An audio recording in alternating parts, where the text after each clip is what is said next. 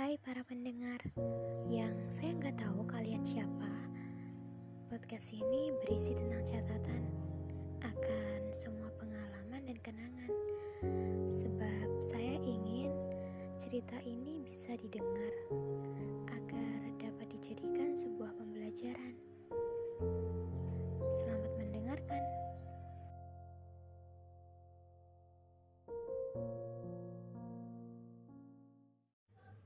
Selamat malam teman pendengar. Kali ini saya akan membacakan sebuah catatan cerita dari teman saya. Selamat mendengarkan. Saat kau datang, kuimpikan kau adalah pengobat luka. Ku yakin kau mampu membantu menghapus segala luka yang ada. Karena sebelumnya kita sudah mengenal. Diri ini dengan percaya diri akan mudah dalam mendapatkanmu. Setelah dijalani, memang tidak terlalu sulit. Kita saling percaya dengan mudah. Kau mampu melengkapiku. Tetapi Aku tak yakin aku mampu melengkapimu. Kau paham dengan sibukku, tetapi aku tidak peduli bagaimana perasaanmu. Kau selalu mengingatkanku tentang kesehatanku, makanku, juga ibadahku. Bahkan selalu mengingatkan jangan terlalu mengingat luka yang pernah ada. Iya itu dulu, saat aku sedang mencari seseorang sebagai obat. Tanpa sadar, akulah yang memberi luka untukmu. Aku sibuk dengan duniaku, masa bodoh dengan hari-harimu, masa bodoh dengan perasaanmu. Dan ternyata aku salah. Obatku tidak melulu dengan orang yang selalu berada di sisiku. Tetapi mungkin benih rasa sudah mulai tumbuh terlalu dalam. Aku selalu berhasil membuatmu terluka dengan dalih pekerjaan sebagai alasannya. Sampai tiba waktunya, mungkin kau sudah lelah menghadapiku. Yang setiap hari kau selalu berkabar mulai perlahan kau mengurangi sedikit intensitasnya. Yang setiap saat kau selalu mengkhawatirkan diriku, mulai perlahan kau sudah tidak peduli lagi. Dengan mudah semuanya berbalik. Yang awalnya aku membutuhkanmu, tetapi akhirnya juga aku yang memberikan luka untukmu. Okay. jadi ini ceritanya hmm, tentang dia si pemeran utama itu sedang mencari pengobat luka supaya bisa sembuh dari masa lalunya. Hmm, emang sih, ini adalah salah satu cara orang rekomendasikan ke orang lain atau temannya yang sedang patah hati.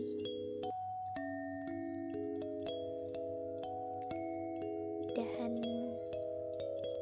menurut aku rekomendasi tersebut kurang bijak.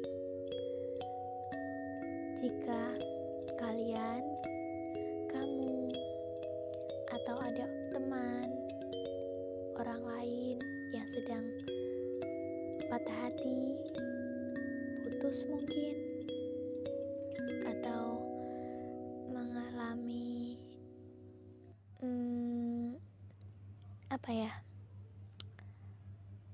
kesusahan dalam move on sebenarnya bukan dengan mencari orang lain.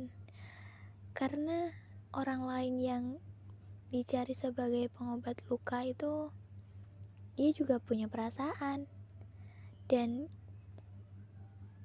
dan misalnya kita ingin menjadikannya sebagai pelampiasan itu enggak etis. Karena karena dia itu dia punya perasaan yang tulus. Dia punya hati yang baik